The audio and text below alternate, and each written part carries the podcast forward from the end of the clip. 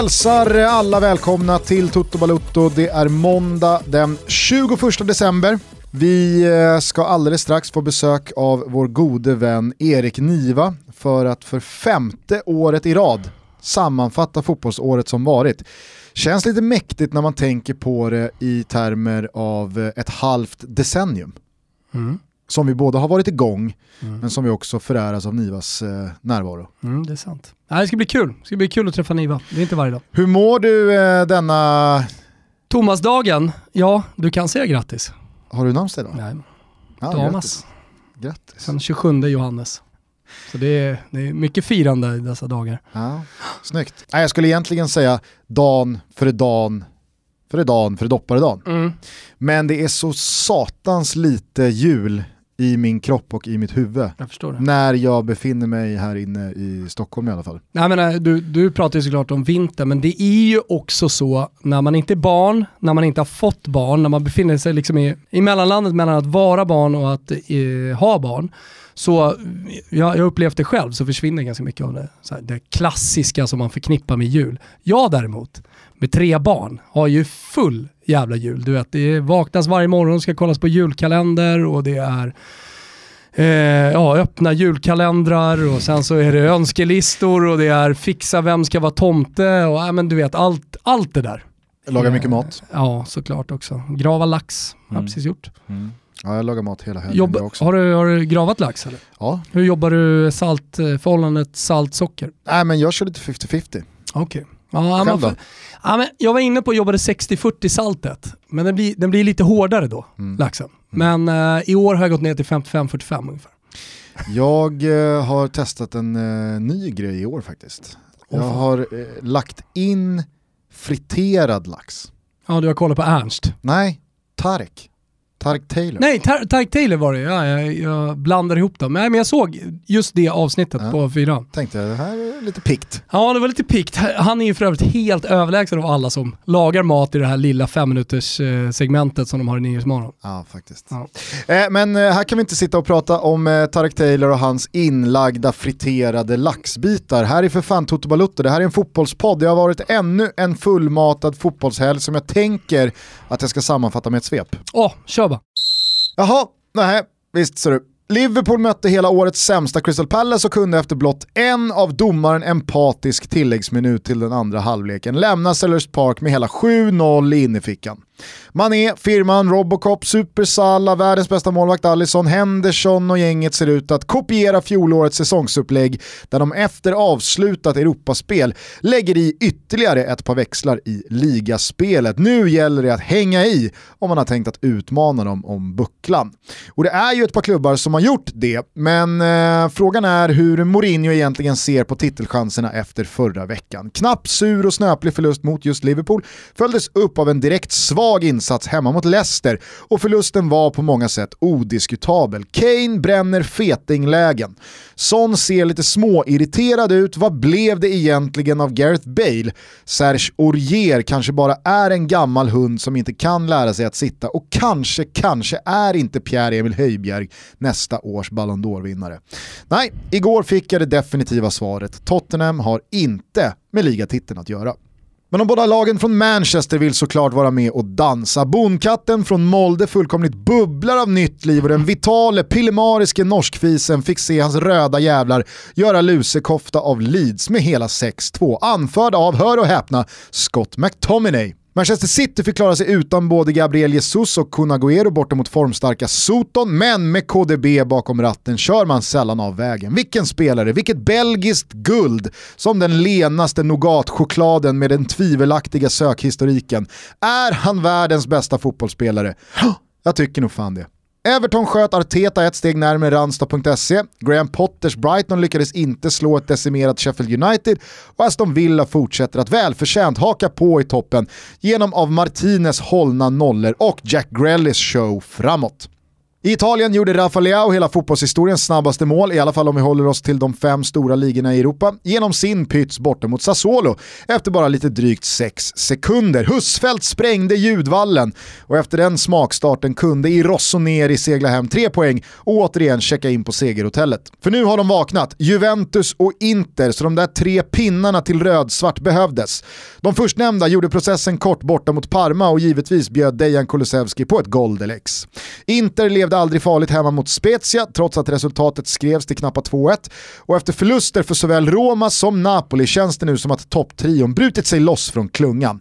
Kvaliteten på bredden i huvudstadslagen, Atalantas ojämnhet och avstånd upp till toppen, skadorna i Napoli, nej, hur jag än vrider och vänder på det här så ser jag inte några andra hästar hänga med över bortre lång inför sista sväng. I Spanien fick Alexander Isak äntligen göra mål igen, men när det väl kom så är det klart att Lareal gick på pumpen och torskade mot Levante. Och efter att Atletico Madrid planenligt lagt Elche på rygg så får vi nu tacka de blåvitrandiga charmknuttarna från San Seba för visat intresse av en toppstrid. Det är givetvis bara en tidsfråga innan Barcelona passerar dem och där bakom finns även Villarreal, Sevilla och galna Celta Vigo under Chacho Codet redo att blåsa förbi.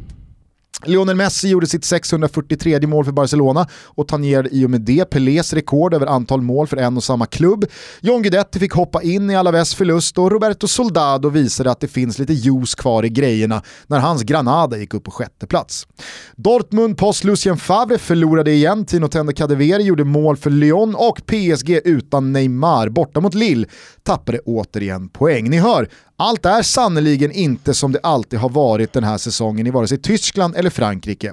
Tur då att Bayern München grävde fram en blytung, sen seger i en seriefinal igen, den här gången borta mot kusarna, och skänkte oss lite trygghet så här i juletider om att vissa saker är precis som de alltid varit. Ja, men kul att han fick hoppa in då, Jigge. Nu kanske han tar mark på Sebbe Andersson. Men vi får se. Ja, det är en deppig head-to-head där. Men eh, som eh, jag har varit inne på, med Zlatan med i leken så ja, jag vet inte, de kanske dansar för Var blinda det- ögon, Sebbe Andersson och John Guidetti. Var det där möjligtvis liksom Alaves försök att trissa upp ett pris genom att låta honom spela? Ja men det är väl det vi har pratat om Jo jag vet, men så här, ja, det, det, det om något är ju ett deppigt försök att försöka trissa upp ett spi, pris genom att så här, ja men kolla, han spelar ju faktiskt. Vadå, ska du sitta i förhandlingar då med en annan klubb och kolla, ja men han lirar. Ja, jag vet inte fan. Eh, är det där vi ska landa verkligen efter det här svepet? Nej, det är definitivt inte där vi ska landa. Var vill du landa? Nej, vi kanske ska börja med det där eh, rekordmålet av Rafa Leao. Ja, inte så jävla mycket mer att säga än att det var, det var snabbt. Ja, Samtidigt, jag tycker ändå det påminde om fina svunna Sten Seman-tider i Roma. Han ställde ju upp eh, Roma när, eh, när Men- Roma hade avspark med alla spelare på mittlinjen. Ja, men har du tänkt på det? Det är jättemånga som gör det idag. För man flyttar liksom upp laget och sätter en hög press. Alltså det, det är ju typ det normala idag. Jag tror att Semans Roma aldrig ens fick till ett avslut. Nej. Det var, så, det var så dåligt genomfört. Alla stack, eller sju, åtta spelare i alla fall. Och sen så var det typ Benatia som slog en lång boll. Ja. Och så liksom, äh, ser vi vad det blir av det. Ja. Blev, ju, blev ju mer ofta en kontring på Roma och så blev det liksom så här, där fick vi avstyra underläget Men 20 det kändes sekunder som- istället för att göra vet, vet, mål vad det var? 10. vet du vad det var av Seman? Det var poserande. Mm. Alltså han, han poserar, kolla jag är minsann den mest offensiva coachen som finns där ute. Alltså det jag alltid fastnar för med sådana där snabba mål, Lever Seman? Han coachar, coachar han idag? jag vet inte.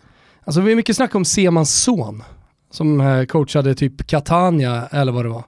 Var det mycket snack om honom?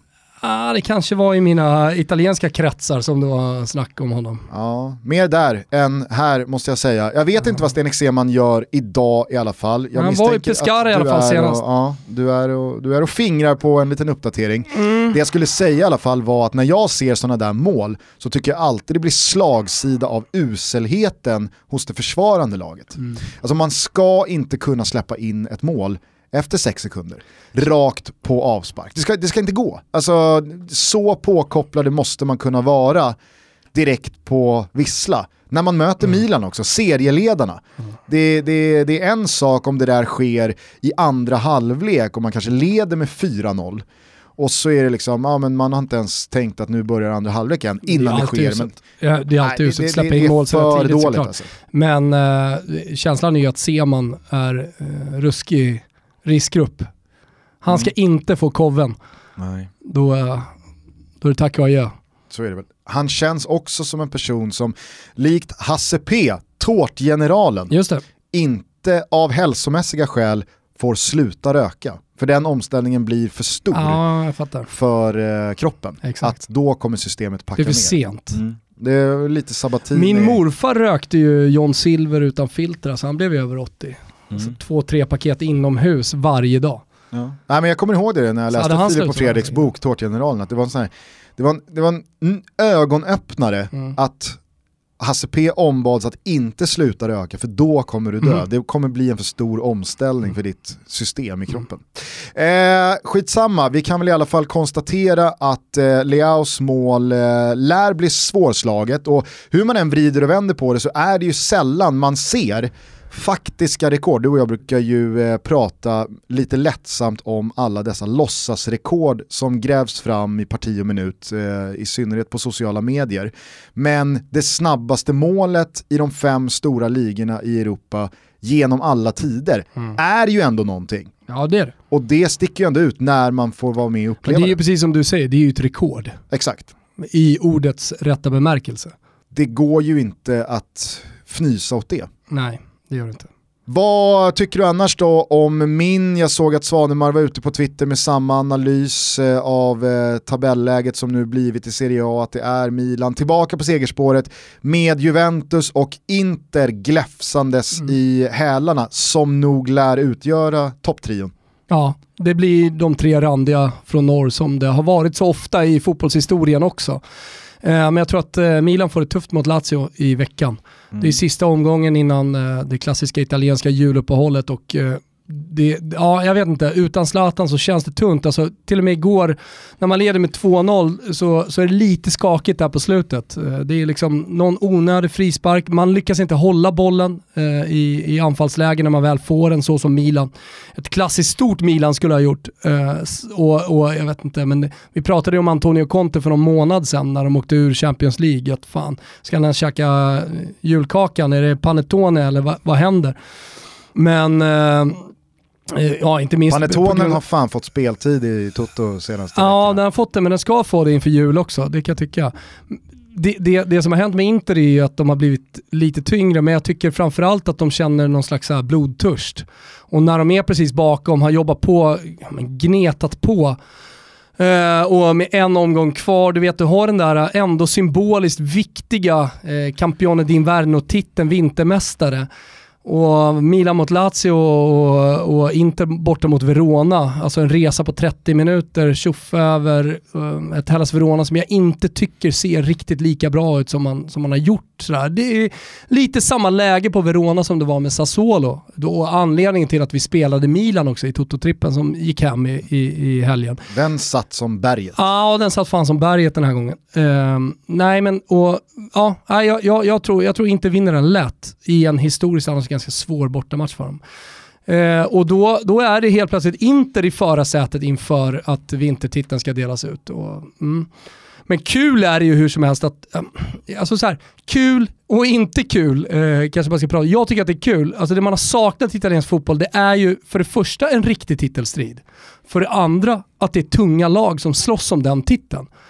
Och det kan ju låta lite så här modern fotbollsvurmande på något sätt. Men eh, man vill ha mindre lag, man vill ha ett Leicester, man vill att liksom sånt där ska hända. Bojan satt ju i Viasat-studion en gång, med Niva i studion dessutom. Och liksom verkligen eh, eftersökte de stora lagen i de stora matcherna för att då blir det mycket roligare. Jag fattar ju precis vad han menar. Mm.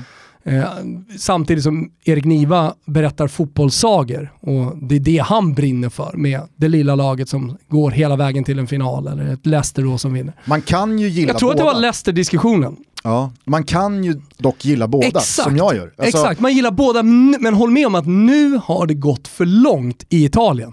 Nu har det varit lite för mycket Napoli och lite för mycket snack om Roma och liksom lag som studsar upp. Nu, Atalanta, Lazio. Ja men Atalanta, La- alltså, nu är det dags för de tre randiga från norr att göra upp om titeln och göra upp på riktigt i en dramatisk titelstrid som avgörs då i Perugia på en regntung plan.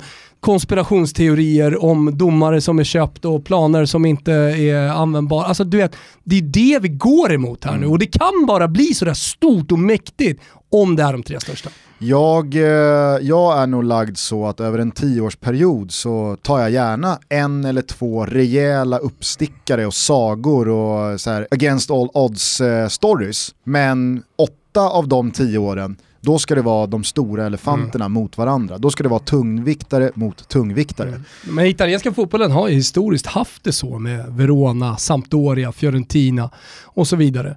Jag vet inte om vi ska kalla Napoli för liten, men eh, de är i alla fall inte randig, stor, rik från norr. Det är inte deras historia, utan snarare då så har de varit ett Verona eller ett Fiorentina, om än från en större stad, som med Diego Armando Maradona i slutet på 80-talet liksom firade stora trumfer och sen så har de eh, slitit. Men det här, det här känns eh, uppfriskande på något sätt. Mm, uppfriskande och välbehövligt måste jag ändå säga också att det var att se Dejan Kulusevski göra en stor prestation. Inte bara mål utan eh, en, en bra insats.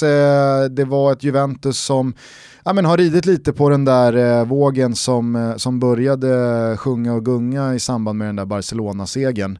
Ronaldo är ju eh, igång igen på full skruv, eh, ensam eh, skytteliga majestät nu igen.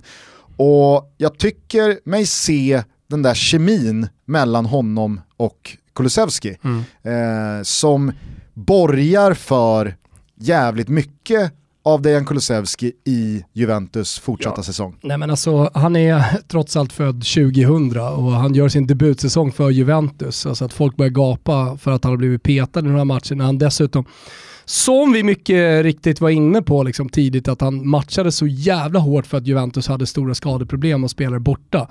Så det blev liksom en, en tvång. Det är inte konstigt att man rent fysiskt går ner då och allting är nytt. Och kanske också lite mentalt, men att han är tillbaka nu, det, det är liksom ingen snack om. Jag tror att han kommer vara en fundamental del när Juventus tar upp den här kampen mot eh, Milan. Men för att ge lite perspektiv på den insatsen igår så tycker jag att eh, Gazette, i förrgår så tycker jag att eh, eh, Gazettans lilla betyg och kommentar till betyget förklarar, förklarar ganska bra. Att han, han, han positionsbyter väldigt mycket med McKennie. Och det har han inte gjort tidigare. Så att det är en lite ny roll han kommer in i. Det är samma roll på ett sätt, men tillskruvad av Pirlo. Och jag tycker också att det är intressant. Eh, man, man benämner det i italiensk media som att liksom så här, nu har han ytterligare ett vapen för att det där funkade bra. Han har ytterligare liksom en, en dimension i valet av Kulusevski. Så här, hur ska jag använda honom? Ja, han har ju uppenbarligen funkat som andra anfallare. Han har uppenbarligen funkat på en kant oavsett om det är vänster eller höger. Men han kan också göra positionsbyten med McKennie. Och det är jävligt få fotbollsspelare på den nivån som kan skifta position så mycket och ändå leverera. Och det är väl det som hela tiden sagts från Kulusevski själv och hans nära att som allra bäst, det är han centralt på ett mittfält. Alltså det, det, är, det är i den positionen man sett honom minst i eh, vad gäller både Juventus och landslag. Men när han väl får operera där, ja, då kanske det till och med finns ytterligare en växel att lägga i. Mm. Nej men verkligen. Eh, måste också lyfta Alvaro Morata. Det är ju lätt att eh, skratta och skoja lite åt eh, Moratas målsumperi och hans eh, VAR-bortdömda mål för offside och att han, att han inte riktigt har hittat rätt eh, med sin fotboll eh, efter, eh, egentligen senast han var i Juventus. Eh, men fa- fan vad han gör sig i det där laget. Och det är klart att det, det, det är samma klubbadress men det är ju givetvis två helt olika lag. Det Juventus han en gång var i och det Juventus han är i nu. Men fan vad han passar som pusselbit i det där bygget. Han kan starta ett par matcher och vara den givna referenspunkten, han kan komma in, han är inte hierarkiskt på nivån att det blir något strul och tjafs och mäckigt när han är utanför, likt det blev med Iguain varje gång. Eh, det är en spelare som ja, men bevisligen i flera år har levererat på den här nivån och han är så jävla han är, han, är, han, är liksom, han är bra på ganska mycket. Det är men ganska han är inte få saker han är dålig på. Ja, men fotbollssupportrar vill alltid in de spektakulära spelarna, de som ger en väldigt hög högsta nivå. Det Morata gör är att han ger en väldigt hög lägsta nivå också i Juventus. Och som du säger att att eh, helt underkasta sig laget, tränaren och, och kollektivet. Det är jävligt få spelare på den nivån. Speciellt spelare som förväntas göra mål och som lever för målen eh, som gör på den nivån. Men eh, det här ska ju också vara en fjäder i hatten till Andrea Pillo. För det var ju hans val. Det var han som ville in Alvaro Morata. Samtidigt så, jag läste eh, Tancredi Palmeri här i, i helgen eh, bomba ut att eh, Luis Suarez visst var klar för Juventus och att det blev något strul där. Mm. Eh, alla kommer väl ihåg det, det här mystiska oavsett. språktestet och I Perugia, allt vad det var. Studentstaden Perugia, mystiska. Han eh, skulle, han skulle fan skriva ett prov och som var riggat. Så det går väl ändå att eh, argumentera för att Pirlos val kanske ändå var Luis Suarez. Ja, men det spelar ingen roll. Blev det Morata. Mor Morata är fortfarande hans val. Okay. Alltså det hade kunnat blivit eh, ingen. Eller liksom, det är fortfarande mycket pengar som Juventus spenderar på en anfallare. Absolut, och det jag menar bara att det som var Luis Suarez var väl också Edin Dzeko men Roma vägrade, alltså att Morata kanske inte var det var inte Pirlos första val? Kanske inte, eller så kanske det var det. Det kanske var strul med den övergången också. Alltså så här, att, men Pirlo ville ju verkligen ha honom, det är ju bekräftat och det, det, det är liksom sagt flera gånger. Så att, eh, det var ingen annan som tog Alvaro Morata. Det var ingen annan som ville ha honom. Nej men så här, helt ärligt, det var inte det. Och, det. och det var ingen som tog honom, utan det var Juventus som gjorde det. Och nu spelar en ganska icke-spektakulär spelare stor fotboll. Det är också den här typen av spelare som man liksom kommer ihåg i efterhand. Alltså tänk många spelare som man idag hyllar och, och nästan eh, liksom sätter legendstatus på, som under livstiden, höll jag på att säga, som fotbollsspelare i alla fall, inte var speciellt stora, eller man, man gjorde liksom ingen stor grej kring dem. Och sen så här i efterhand så, så har man liksom, ja, men förstått storheten. Morata är definitivt en av de spelarna. Nu ska han bara stanna i Juventus, ska fortsätta leverera i Juventus. Mm. Men han bär ju på någonting, alltså det känns som att han har alla emot sig. Ingen tycker om Morata. Man vill inte att Alvaro Morata ska vara bra. Det, alltså, håll med mig om att ju, väldigt många av de objektiva Det är för att han för väldigt fotbollen. många fotbollssupportrar har underlevererat i klubbar som har väldigt många supportrar. Jag vet, men det finns ju många sådana spelare som jag i alla fall upplever att man hejar lite på. Hoppas det, hoppas det lossnar. Han bär på så mycket fotboll, han har så mycket i sig. Kan han bara få ut det? Alltså, det finns Men ju Morata bär ju inte på så mycket fotboll. Eller? Han är bara en man av kollektivet som gör det tränaren säger och han gör det jävligt bra. Välskolad och fin. Oh, kanske, jag vet inte. Jag, jag tror i alla fall många som hör det här förstår vad jag menar när jag säger att Alvaro Morata är en sån här spelare som ingen riktigt håller på. Ingen går runt och hoppas på att i år lossnar det för Alvaro Morata på riktigt. Han har så mycket fin fotboll i sig, ja, hoppas han får ut allt. För att, för att han ska bli den spelaren som man tänker så kring så måste han ha en annan frisyr. Han måste, han måste han, ha mindre han, produkter i håret. Vi brukar ju ofta liksom slå ner på spelare med för lite produkter. Liksom. Jo, jag han vet. Pojk. Men han har ju alltid dragit på alldeles för mycket av vax och gelé och vad han nu har i håret. Och... Han glänser lite. Nej men det jag tänker är att uh, han skulle må jävligt bra av långt hår, lite mer solbränd, för han är ju för blek för att vara spanjor. Och sen skulle han också må bra kanske av det vi snackade om kring Sebastian Andersson, någon skandal. Uh, skalla någon jävel på någon onödig match när det, när det kommer liksom tre liten... enkla matcher. Ja nu januari är väl perfekt, nu sista omgången. Inför jul, en julskalle. Det, det, ligger en liten, det ligger en liten glock på förarsätet. Ja, exakt, när, ja precis. Först kommer skallen, sen kommer glocken. Ja, Sen kommer alltså. solbrännan under juluppehållet. Han är väl i Maldiverna eller någonting som alla andra fotbollsspelare från Italien.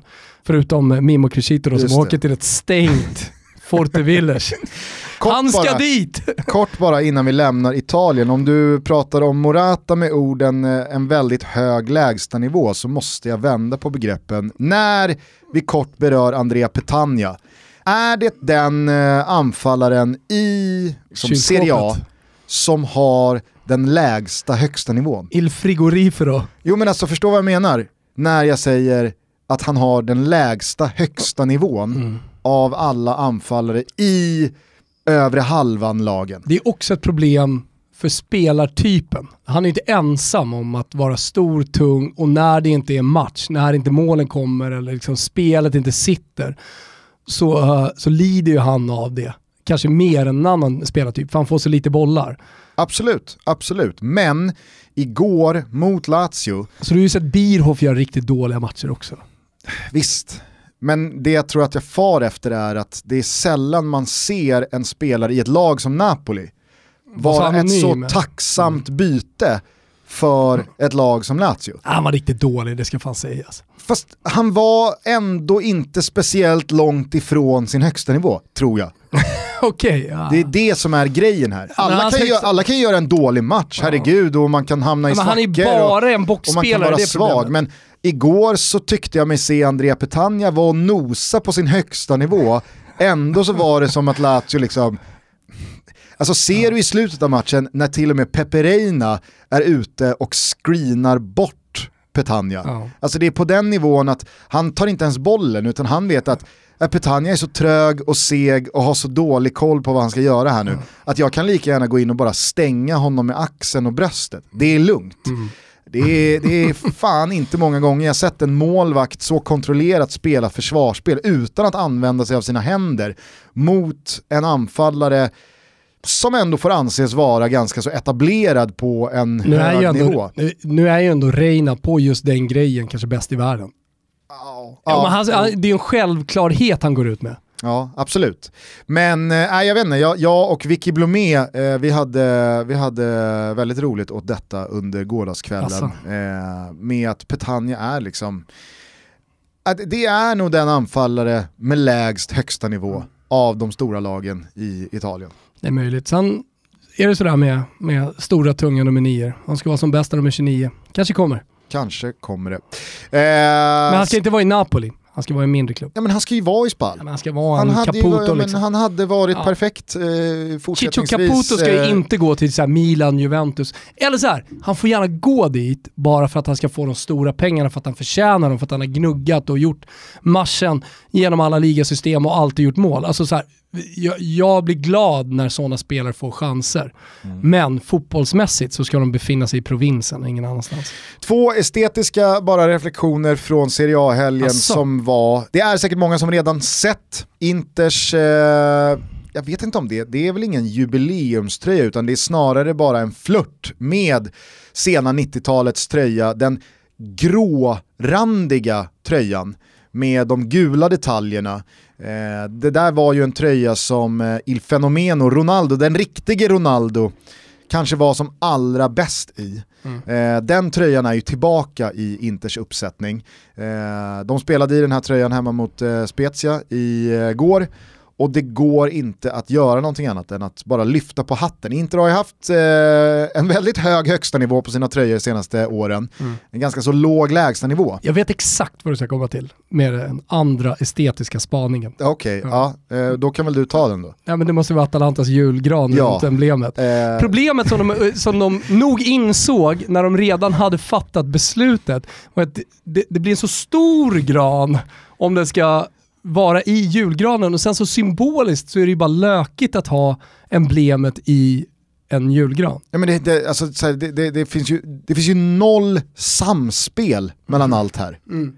Granen som är så fult broderad runt emblemet hänger inte ihop på något sätt med emblemet eller på något sätt så interagerar den med resten av tröjan. Mm. Som är märkligt silvergrå, asfult verkligen. Reklamen, den blaffar, äh, men det, är så, det, är, det är så sunkigt så att det är bara så ovärdigt Atalanta. Mm. Eller så är det precis det man behövde i dessa märkliga tider av, vad är egentligen Atalanta för klubb? Mm. Är det en Champions League-klubb som ska kunna hota de allra bästa? Nej, den där tröjan sa allt. Det är ett litet provinslag som kommer gå bort sig igen. De lever just nu en dröm och kanske var sprickan mellan Gasperini och Papagomes första liksom, steget mot att allting ska återgå till det normala. Jultröjan, det andra. Alltså jag ser ju på Leicesters framtid som mer ljus, alltså som mer stabil i någon slags topp 8 och eh, Eh, Atalanta då lever ju, tycker jag, väldigt mycket, visserligen en bra sportchef, men alltså så här, den här höjden som de har just nu är ju eh, Gasperini. Och jag har sett de första sprickorna i omklädningsrummet. Eh, jag menar att Papagomes är på väg att lämna, nu var han inte med i truppen, det sägs att han Eh, eller hans beslut att sjunga Joves inno eh, ska ha påverkat det. Liksom att det var någon slags droppe som fick bägaren att rinna över. Det kan ju jag tycka är löjligt. Alltså så att kamerorna zoomar in. Ja men varför har varenda fotbollsspelare handen för munnen? Sätt det där i efterhand. Alltså han nynnar med i liksom åtta ord på, liksom en, eh, en, en, på en arena där hela ljudsystemet liksom bombar ut en ganska trallvänlig inno. Mm. Och så lyckas då kamerorna hitta när, när han liksom nynnar med några ord det, jag, jag kan tycka att det är löjligt att eh, liksom, sätta en spelare i, i frysboxen på grund av det. Men om det är droppen som fick bägaren att rinna över, det återstår väl att se. Men det är inte så att Papu Gomes, Capitano, lämnar helt smärtfritt, helt friktionsfritt. Så försvinner han i januari och så fortsätter Atalanta att ösa på. Nummer ett så är han en extremt viktig spelare. Gasperini har ju till och med satt in honom. Alltså trots att de har den konflikten de har. Eh, han är ju symbolen som de unga spelarna ja, men, förlitar sig till och lyssnar på. Eftersom han är Il Capitano i Atalanta. Supportarna älskar honom. Så, jag menar så här, skulle de ha tre, fyra dåliga matcher utan Papegomes med honom såld, då är det ju körning. Då är helt plötsligt inte Gasperini så jävla omtyckt som han har varit. Det går så sjukt jävla fort i fotbollen. Manchester United Solskär är väl ett superexempel på det. Ja men det är ju det, alltså bara resultatet på planen. Alltså du är bara legendar till en viss, liksom, till du kommer till en viss eh, gräns. Mm. Och jag, jag lovar dig, tre, fyra dåliga matcher, ut åttondelsfinalen i mitten på februari då är inte Gasperini sådär högt skattad just nu. Sen så i historieböckerna så kommer han ju alltid vara annanstans. Exakt, Papagomes någon annanstans. Eh, Gulasch i alla fall till Atalantas jultröja. Ja. Det är, Schnitzel till att de krossade Roma i andra halvlek. Det är det fulaste jag sett på Trötta år och Roma dag. som bollades upp i någon slags scudetto-strid här för några veckor sedan. Jag ska dela ut två andra schnitzlar lite senare i avsnittet. Jag skulle bara säga det, du påminner mig här nu med snacket om Papagomes då, mednynnande i eh, Joves inno tidigare förra veckan. Eh, Juve! Storia d'un grande amore. Precis, eh, det fick mig att minnas eh, en rolig episod från Studio Allsvenskans intervju med Janne Andersson här för en 10-12 dagar sedan. Tycker jag, har inte hört det, men det var bra. Mm. Eh, kan jag rekommendera alla att lyssna till. Då så tas det upp att Janne Andersson för 20 år sedan som Halmstad-tränare, och då ska vi komma ihåg att Halmstad vinner alltså SM-guld år 2000. Bayern vinner SM-guld 2001. Eh, så man får ju verkligen eh, säga att det var två lag som gjorde upp om eh, SM-bucklan i Sverige, tillsammans då givetvis med en del andra lag. Men att Jan Andersson då under den här tiden hade just idag är jag stark som ringsignal på sin mobiltelefon.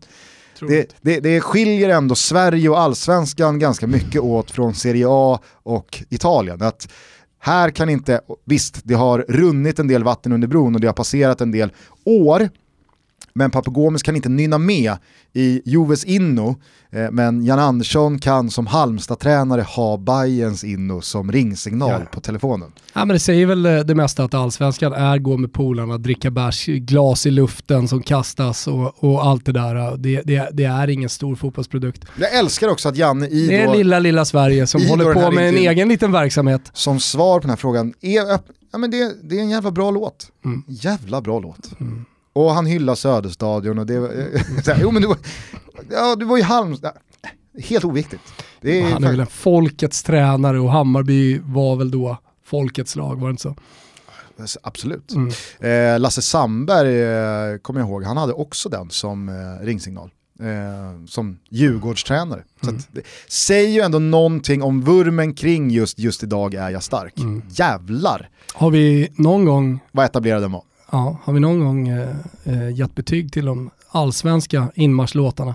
Någon gång, mm. vill jag minnas. Jag vet att du höll på med det där i alla fall. Mm. Nej men jag tror faktiskt att vi har... Eh, Nej har du gjorde fan en blogg på Fotbollskanalen, gjorde du inte det? Jag tror fan att vi har snackat om det här också. Okay. Eh, snart skiner Poseidon mm. och... Eh, det är ju ett sånt där avsnitt eh, Jag vill minnas som... att Kalmars fick eh, en, en känga. Ja, ja. Kanske jag ska ha också. Förmodligen. Eh, vi lämnar Italien, vi tar oss till eh, England tycker jag. Eh, du minns hur det gick till i fjol när Liverpool satte kurs mot ja. en överlägsen serieseger. Ja, det är skrämmande likt som du säger i svepet. Enda skillnaden var ju att då så hade man ju stolpe in på tilläggstid. Prestationerna kanske inte var kanon, men man vann i princip varenda match. Man stod väl på typ 31 poäng efter mm. 11 omgångar och hade mer eller mindre redan avgjort när en tredjedel av säsongen var spelad. Men spelmässigt så växlade man ju upp exakt den här mm. tiden på året. Man körde ju över Leicester på bortaplan och sen så rullade det bara på hela vägen fram till uttåget i Champions League. Exakt. Och då var ju allting redan avgjort såklart. Men jäklar vad imponerad man ändå är av eh, det Liverpool gör trots tunga skador på nyckelspelare, trots att man har fått tillbaka en del spelare precis efter skada, trots att man varvar in eh, väldigt många unga oerfarna spelare. De kör nu alltså. Ja det gör de. Eh, jag, jag, minns att vi satt för ett år sedan och sa precis det här. Att, eh, fan att Liverpool kan spela så här dåligt inom citationstecken och ändå leda ligan och, och ligga så bra till. När man visste att det fanns minst två växlar till att liksom sätta i. Jävla mäktigt sätt de gör det på också. Alltså det blir så tydligt att eh, man i gruppen och att Klopp har kanske hållit igen lite grann, man har krigat på, man kanske till och med är lite nedtränade när säsongen börjar. Okej nu är det coronaår och, och allt det där, men, men att man medvetet då gör så här, som många storklubbar har gjort genom historien. Att, att hösten, det är liksom ja, men det är lite tyngre, det, det, är, det är inte så lätta ben och nyckelspelaren kanske inte är så bra, men man, man lyckas ändå med sin tyngd och sin, eh, sin eh, eh, kvalitet och sin spets liksom vinna matcher, tillräckligt många matcher för att hänga med. Men just det liksom när man släpper på det. Mm. Så får se om det håller i sig över, över den mäktiga, mäktiga vinter, eller den mäktiga vinterbollen som ska spelas med Boxing Day och alltihopa. Jag tycker också att det är extra imponerande det Liverpool har gjort den här hösten med tanke på att vi brukar alltid prata om att de riktigt vassa lagen, mästarlagen som har vunnit någonting behöver byta olja för att hålla allting mm. eh, på topp. Och det var ju Thiago Alcantara. Mm. Eh, det var ju den spelaren som skulle komma in och ja, men, hålla resten av Liverpool-laget eh, i offensiv riktning i alla fall på tå och tillföra en till dimension och bidra med någonting som motståndarna inte hade fått erfara under eh, de två tidigare säsongerna och så vidare. och så vidare. Honom har man ju i princip fått klara sig helt utan på grund av skador. Han har inte gjort många minuter. Att på det få ja, men den egentliga lagkaptenen, Jordan Henderson får väl ursäkta, men van Dijk, fundamentet i försvarsspelet, garanten Man nästan glömt bort lite grann. Absolut, mm. men alltså garanten för att Liverpool håller den extremt höga lägstanivå som man har gjort senaste mm. åren, att få honom långtidsskadad out, i princip alla medvetna om att resten av säsongen är han borta. Mm. Så tidigt in på året som man fick det, Dessutom Allison, världens bästa målvakt och som i symbios med van Dijk har hållit de här nollorna, eh, också väldigt mycket skadad under den här hösten, gör ju att jag tycker att det är, det är extremt imponerande att Liverpool så lätt man ändå mm. vann den där tuffa Champions League-gruppen på och nu alltså är i förarsätet tabellmässigt i Premier League. Återigen med en känsla av att ja, kanske att de har gått på treans växel. Mm. Det finns två växlar till som du säger att peta i. Eh, Thiago ska ju komma tillbaka, visst van Dijk får vi nog eh, räkna bort för resten av året, men Alisson är tillbaka. Trent är tillbaka efter en lite tyngre period.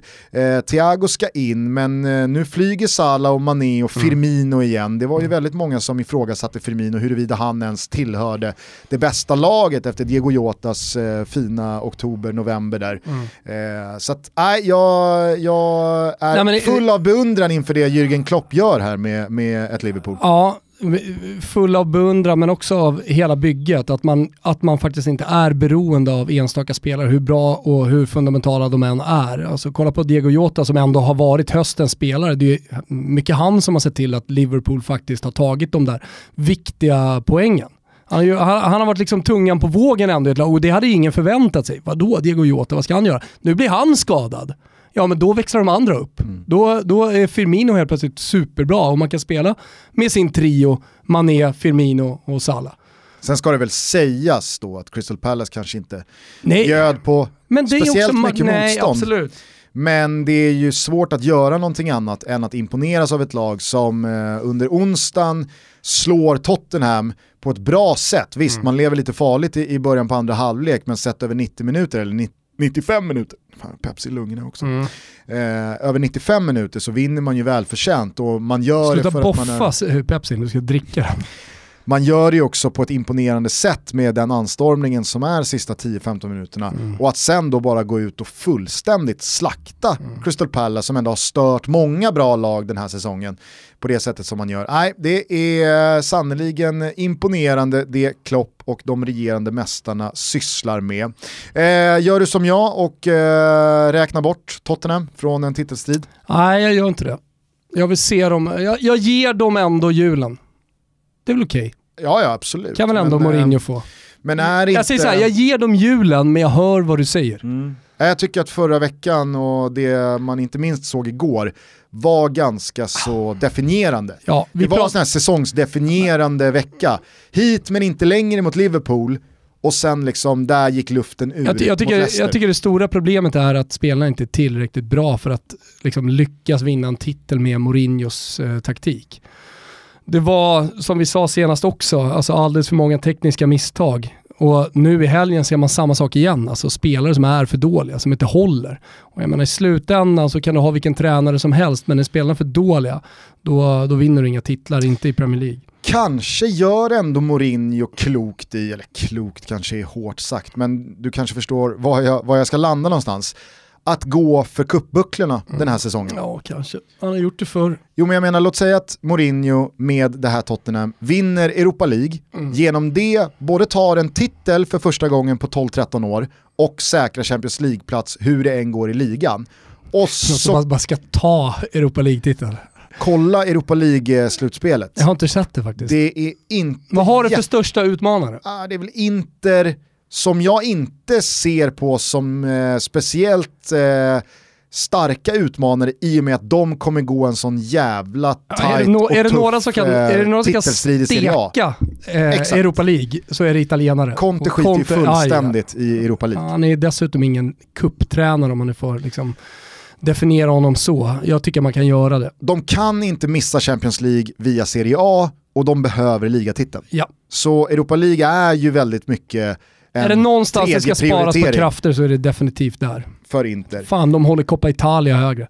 Manchester United Ruska tror jag också kommer eh, prioritera ligaspelet eh, hela våren. Mm. Eh, och de stöter ju dessutom på Real Sociedad redan i 16-delsfinalen. Mm. Ett lag som absolut kan slå Manchester United över två matcher. Mm. Det har de visat och får de bara träff över 180 minuter med David Silva och med, med Isak och Mm. med, med Porto och, och Jarzabal och Mm. Merin. Alltså, fan, det är...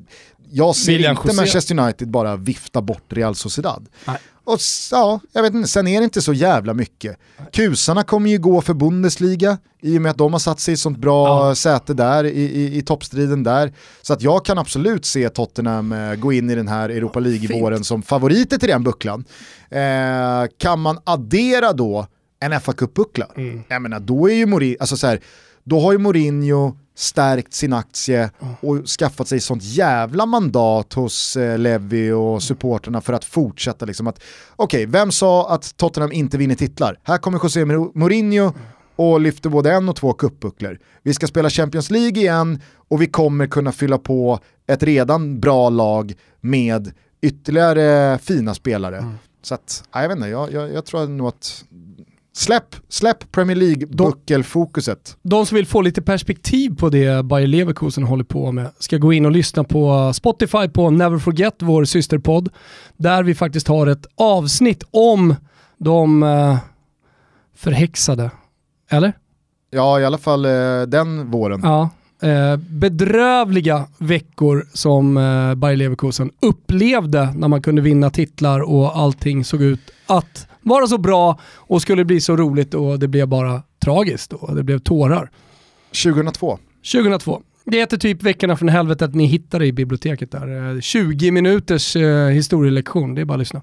Vad tar du annars med dig från eh, Premier League-helgen som var? Nej, det... Har vi pratat om Manchester United eller ska vi, ska vi, ska vi bara nämna liksom, eh, eh Ole Gunnar Solskärs eh, ny, tio nya liv? Det är, det är som att spela tv-spel och helt plötsligt liksom komma in i ett sånt där bonusrum och, och få massa svampar. Och, ja, nu pratar jag Super Mario, men, men få massa svampar och så helt plötsligt så har man liksom tio extra liv. Och man blir så jävla glad. Det är exakt det som hände med Ole Gunnar Solskär igår. Verkligen. Alltså, vi, det, återigen, precis som Antonio Conte så pratade vi om Solskär som, som en tränare på väg bort och han måste få sparken och så vidare. Och så vidare. Och jag, jag sa ju det hela tiden Gusten, att eh, Solskär, han ska ingenstans, han kommer lösa det där. Lilla krysset mot City var så viktigt. Det räckte för andrum, det räckte för att få spelarna att fortsätta tro på det lite grann och liksom sen komma in i en period av vin, eh, vinster. Man går in i julspelet med eh, självförtroende, man går in, eh, tror jag i alla fall, som liksom ganska stora favoriter i många matcher. Så att det, nej, det, det, det, är, det är många år kvar innan Ole Gunnar Solskär ska, ska lämna Manchester United. För det är också så prestationer som man kommer komma ihåg också. Ja, ja, herregud. Man ska ju absolut inte förringa rivaliteten mellan Manchester United och Leeds. Och Han tjänar ju jävligt mycket på den rivaliteten, även om spelarna på planen just i den här matchen utan eh, supportrar på läktarna skiter fullständigt i det. Absolut, men jag tror att det, det för just Ole Gunnar Solskär fanns mer att hämta ur en eh, seger mot rivalen Leeds mm. än vad det hade gjort för andra Manchester United-managers. I och med att Ole Gunnar Solskär var med under så många år som spelare under en tid då rivalen Leeds var ett annat lag än vad de mm. är idag efter ökenvandringen och vad blev det, 14 år ifrån Premier League. Eh, det, det, tror jag ändå spädde på det här, att jo men vad fan det här är en rival till oss, vi slår dem med 6-2 och vi kan gå stärkta ur det här och vi tar med oss så jävla mycket. Men fan vad tacksamt det måste vara att få två så tidiga noll mot just Leeds, Bielsas Leeds. Frågan är om det finns något lag i världen, eller om det finns någon tränare i världen som så tydligt då ger upp en match. Det är ett pressat spelschema, Bielsa vet ju att okej, okay, ska vi vinna den här matchen efter McTominays 2-0 mål i tredje minuten eller fjärde minuten när det kom, så vet Bielsa att då måste vi ta ut oss så fullständigt och totalt ja, nu i 87 minuter. Det går att att vi kommer förmodligen torska fler poäng kommande tre matcher efter den här om vi ger tre poäng i den här matchen chansen. Att fuck it, nu är den här matchen över. Vi blåste det på fyra minuter, så då, då är det bara liksom, då går vi vidare mentalt. Så upplevde jag den där matchen i alla fall, att Bielsa tar 2-0, efter det så känner han, vi får sikta på nästa istället. Skit i den här matchen, vi spelar bara av den. Eh, för att eh, vi har mycket bättre chans på tre poäng i nästa match mm. om vi bara släpper den här. Samtidigt sitter jag och fingrar på en avmygning av eh, just Bielsa. Men vi kan ta den sen. Varför då? Nej, jag känner bara liksom att fan har gjort egentligen Bielsa senaste tio åren? Men han är ju en sån här tränare som alla älskar att hylla pratade om det med spelare Verkligen. tidigare, att Morata var en spelare som supporterna inte så här vill knyta näven och här, även om som, som neutral supporter liksom hoppas att det, det, det, ska, det ska gå. Cavani är en sån typ som jag tror många supportrar vill se med sitt flygande hår och allt det där sydamerikanska. Exceptionella i boxen, eh, med, inte minst med huvudet. Liksom. Man, man gillar honom på något sätt. Men, eh, men Bielsa är ju en tränare som man verkligen vill ska gå bra och det är offensivt, det är roligt, det är lite semanaktigt och han är så tokig och ställer upp servicepersonalen på sin gård i, i Argentina i, i spelsystem och ja, men det finns många, många skrönor liksom kring det där medan Mourinho är en tränare man vill illa. Jag, jag sitter och fingrar på en avmygning vad det gäller Bielsa. Man får, väl ändå, ur Leeds i år. man får väl ändå ge Bielsa att han de facto tog upp Leeds i Premier League igen. Så, och att det var någonting han faktiskt har gjort här oh. på sistone. Sen kan jag hålla med dig om att det finns väl ingen som har tagit ett lag till, var det semifinal eller final i Europa League? och kunnat leva på den bedriften så Exakt. länge som Bielsa gjorde med Bilbao. Här. Vad har han egentligen gjort? Mm. Eh, jag, jag, hör dig. Alltså han lever ju väldigt mycket på de skrönorna inne på med servicepersonalen på herrgården i, i Argentina. Håll mm. med. Framgångar med Chile också, så behöver ingen eh, peka med, med pekpinnen där. Eh, landslag, det är något annat. Han var, ju, han var ju nominerad till uh, The Best här i torsdags på Fifa-galan. Oh, eh, eller det, det just det priset heter väl inte det bästa. Alltså fan vad de har paketerat den där galan uselt. Jag vet inte ens vad galan heter, vad heter den? Fifa Awards, heter den så eller? Ja, det är uselt. The best. Ja men det bästa är väl bara priset då som Robert Lewandowski vann. Också dåligt paketerat pris, vadå the best? Jag vet, jag vet. Mm. Som de kämpar. Men eh, Bielsa, Hansi Flick och eh, Jürgen Klopp eh, gjorde väl upp om eh, titeln som årets mm. tränare. Eh, Jürgen Klopp vann den. Vi är många som undrar vad Hansi Flick hade kunnat göra annorlunda eh, än eh, att vinna allt han ställde upp i. Ja. Eh, det var väl det Mourinho var ute Leendet och, och undrade kanske. också. Ja. Ja. Eh, han hade kunnat lyfta den där Champions League-bucklan mer synkat med sin eh, tränarstab än vad han gjorde. Men eh, Jürgen Klopp var ju också taktiskt ute och typ bad om ursäkt för att eh, han vann eh, årets tränare. Eh, man vet ju att Klopp till 100% i sig själv tyckte att det var rimligt att han vann. Mm. Han tycker att han är världens bästa tränare och det har väl absolut full rätt att göra. Men det var ju så PR-strategiskt av honom att med lite spelad ödmjukhet säga oj, varför vinner jag det här priset? Men Bielsa var ju där eh, och det är väl kanske ett resultat av det du är inne och på. Då skulle Pippo Inzaghi vara där.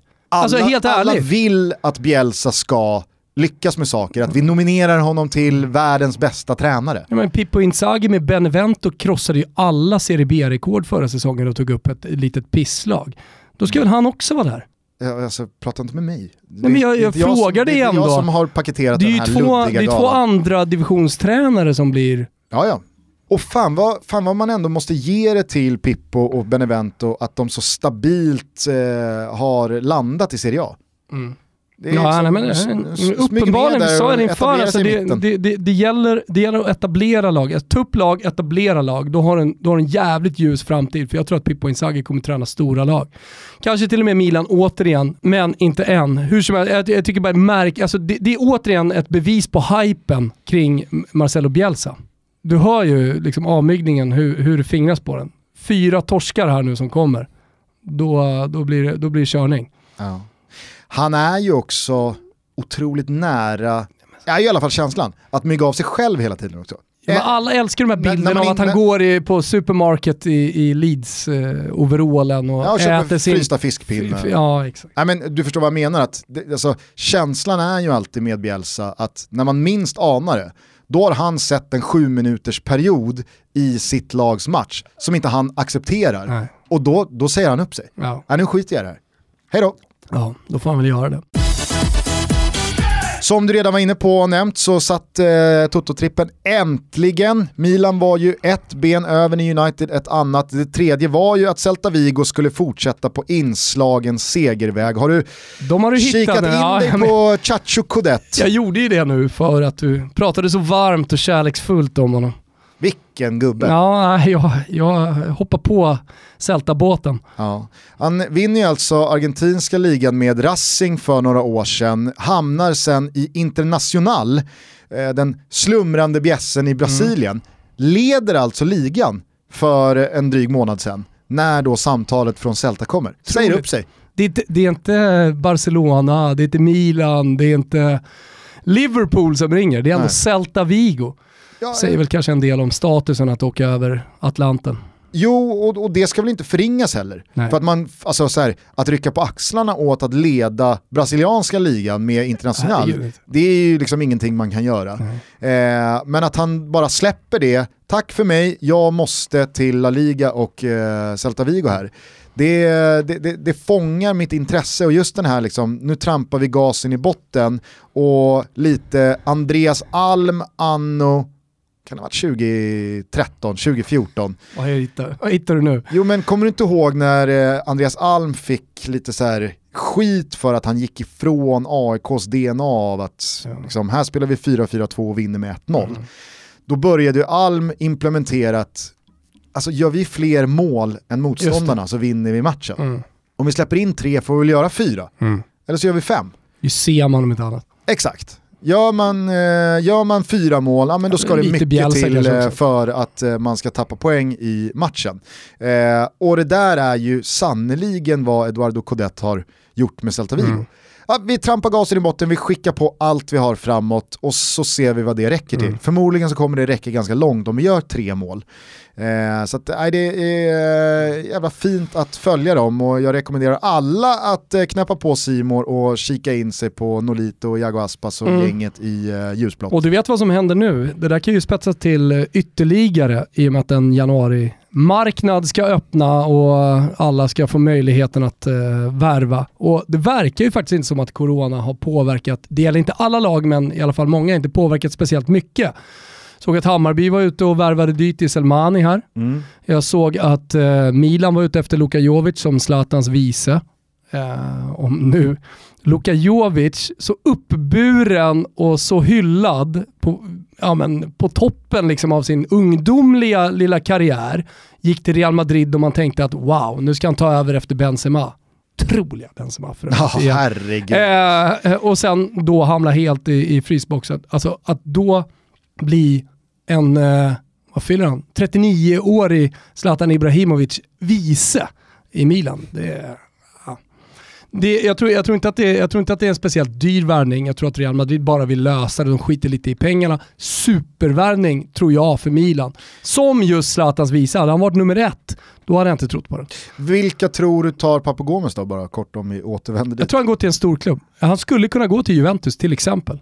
Men eh, jag, alltså, jag skulle inte bli förvånad om eh, typ ett så här, ja, men Manchester United tittar på honom. Nu kanske inte de har behov, men du förstår vad jag menar. Alltså den, den storleken på klubb som, som kanske ligger lite bakom eh, toppstriden. Alltså PSG, varför inte? Alltså nu har man Neymar skadad, de behöver eh, offensiv kraft och alltså Papagomes är ju så otroligt jävla bra. Ja, det var inget eh, stjärngalleri som PSG ställde ut på banan igår mot Lille. Nej. Alltså när Neymar går skadad här nu och Mbappé är mentalt dränerad Ja. och sitter på kvisten. Ja, men då tittar jag igenom det där laget och känner, de tar ju en pinne på förhand mot Lille Ja. på bortaplan. Det här laget, är, det, det, vad är det? Moise Kean och Di Maria på topp. Och sen så är det Florenzi och Ghana Gay och eh, Kurzawa. Nej men det är ingenting det laget. Alltså, de, de, de måste ha sina spetsspelare annars så händer ingenting med PSG. Kanske är ändå Så där Papagomes, eh, vi, vi, vi, så, vi, kommer ju att följa silly när det öppnar nu i januari. Det är kul ju. Kanske ska vi ringa upp Tancredi, ska vi ge han lite speltid igen. Så, basically. Alltså, Eh, första- basically, eh, Papu Gomez, eh, Ah, men det var inte din bästa Tancredi. Jag kommer Nej. ihåg när vi ringde upp honom i Calcio Mania som vi gjorde på Expressen. Och han i typ 70% av tiden bara pratade om blond, blonda svenskor eh, med stora bröst. Och trodde att han var typ så skön. Och det var, det var, eh, det var inte metoo-tider, men det var precis innan. Men det var, det var, det var plumpt och helt oskönt. Och vi, vi, liksom, vi vred på oss. Fan är det här? Det slutade med att Kimpa Wirsén han, han klippte bort 80% av... Fick ju steka hela avsnittet. ja, Vi stek alltihopa. Det var helt bedrövligt. kort bara Karim Benzema, vad säger du? Var det Vet de du bästa 15 minuterna man sett av Karim Benzema eh, i, i hans karriär? Han står ändå i skuggan i den här matchen av eh, mäktiga jävla Sergio Ramos. Nej jag tycker inte det. Jag tycker inte det. Ah, Ja, men alltså, det, säger ju, det säger ju Benzemas eh, liksom, största försvarare som placerade honom på den tronen han sitter på just nu, långt innan alla andra. Liksom började snacka om Benzema, äh, det var Ronaldo som gjorde och hit och dit. Och helt plötsligt så blev det Benzema som var referenspunkten punkten längst fram. Fast det var väl ändå som så att det snarare var att jag och många andra eh, såg en nedgång. Alltså det var inte så Ni att såg inte det jag såg. vi hade sett, men man hade också sett att ja, ni nu är det här var blinda för hans storhet. Ja. Det var det som var, medan jag såg hans storhet och såg också in i kristallkulan att det här kommer bli så jävla bra nu kommande år. Ja. Och så har det blivit. Så försök Absolut. inte liksom förminska Nej, jag försöker min inte spaning här nu. förminska eller skriva om historien, jag försöker bara ge upprättelse Mm. åt eh, mig och andra som Ni ska ta någon såg upprättelse. och konstaterade Benzemas Ni- storhet Ni såg fel. då, sen såg vi att ah, kommer det här verkligen bli så bra här nu? Och där eh, var du ju tydlig med vad du jag tyckte. tydlig. Eh, jag tycker i alla fall att hans första kvart igår mot Eibar, det är bland det bästa jag sett av en spelare i eh, högsta ligorna. Visst, Eibar är Eibar, men en sån här säsong, fan, mot, mot lag som det, det är årets match för dem mm. och det är tomma läktare och det är jobbigt. Mm. Man har sett eh, stora spelare slita hund mot eh, mindre namnkunniga lag och, och spelare också i, eh, jag vet inte hur många matcher det här året. Alltså det Benzema gör första 15-20 minuterna igår, det är, mm. det är liksom Messi och Ronaldo-nivå. Mm. Så överlägsen är han. Och så hade det kunnat fuckats upp om inte Sergio Ramos hade varit där med en brytning. Jo, men, men det, är Sergio det är Ramos som skönt. lika många gånger bjuder på ah. potentiella fuck-ups under den här matchen. Så att, ja, ah, jag det. tycker att Sergio Ramos spelar lite 1-1 med sig själv igår. Ja, ja kanske han gör. Vet fan, men det är en jävla brytning och den är så avgörande. Jag är verkligen en förespråkare för avgörande mål, brytningar, eh, prestationer i alla fall under en fotbollsmatch. Där vann han matchen åt dem. Ja, ja, visst. Och det är med en sån självklarhet också han gör. Hörru du, jag skulle vilja kort dela ut en liten eh, schnitzel. Fan. Eller två schnitzlar ska mm delas ut. Jag vet inte om du såg mig retweeta det på Twitter igår. Men mm. eh, jag nåddes av eh, bakgrundshistorien till Sadio Manés nya målgest som han eh, presenterade mot Crystal Palace i lördags. Dimmi Tutto, säg allt. Eh, han eh, facetimade med en kille eh, med down syndrom.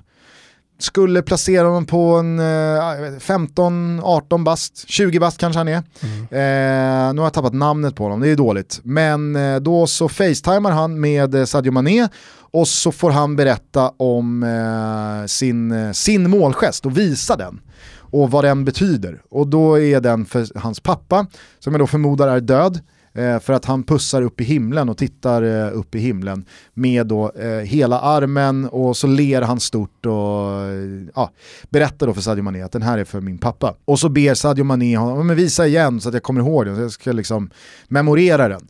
Och så visar han den en gång till och sen då i matchen mot Crystal Palace så gör Sadio Mané mål och sen så gör han den här målgesten och då fattade man alltså så här, då förstod man inte det. Men när Vem har då, dött tänkte du? Ja, eller vad är det här nu? Mm. Eh, men så igår då när pusselbitarna föll på plats så tyckte jag att det var otroligt eh, gripande och fint och bara så jävla vackert. härligt och vackert gjort mm. av Sadio Mané. Ja, det är, det är schnitzel. Eh, så att eh, han förtjänar sannoliken en utbankad rackare. Men det gör även Maja Nilsson Lindelöf.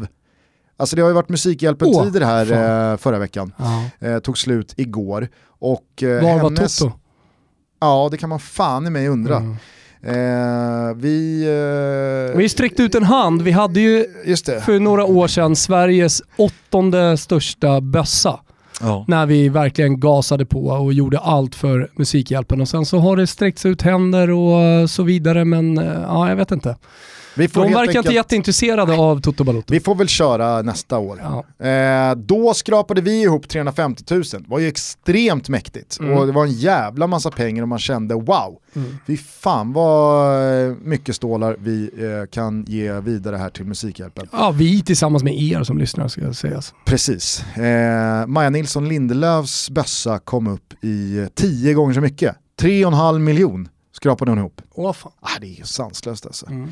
Eh, Vigge var väl med och bidrog med något Playstation och någon timmes gaming med hans mm. eh, squad. Heter det så? Mm. Klan? Ja, så det heter. ja, klan kan du säga också.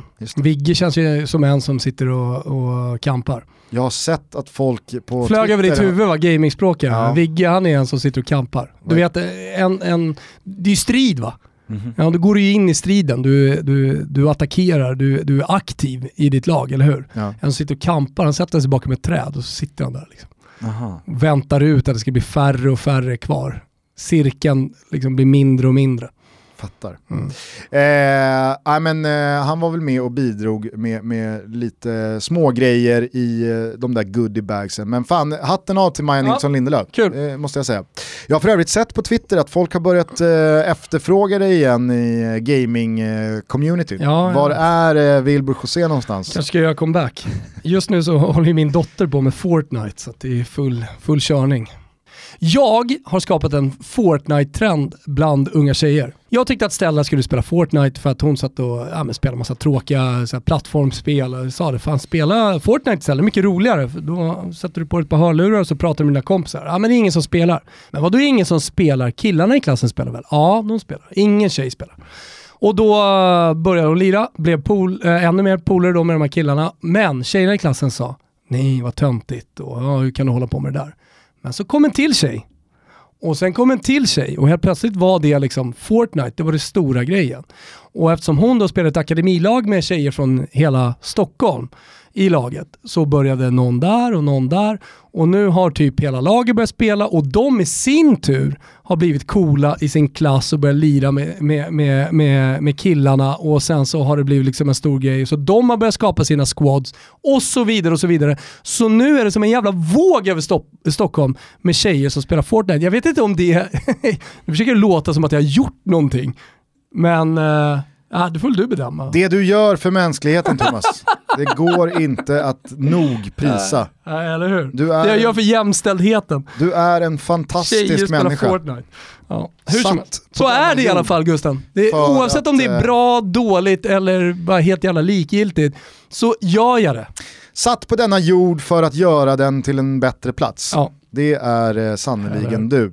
Eh, hörni, vi ska avsluta detta Toto Balotto avsnitt. Eh, ni hör oss igen på torsdag, då är det julafton och vi ger er en eh, förhoppningsvis alldeles fantastisk julklapp i form av en årssummering tillsammans med Erik Niva. Förhoppningsvis, alltså, du menar att det kan bli ett dåligt avsnitt så att julklappen blir inte så bra. För avsnittet ska ju göras. Ja, så är det, men ja. Erik kan ju absolut lämna studion och känna det där var två plus. Ja, okay. Det, det, är väl det han brukar göra. Visst. Eh, vi hoppas i alla fall och tror att det blir en eh, rolig eh, årssummering tillsammans med Niva. Vi önskar er alla en riktigt jävla god jul. Mm.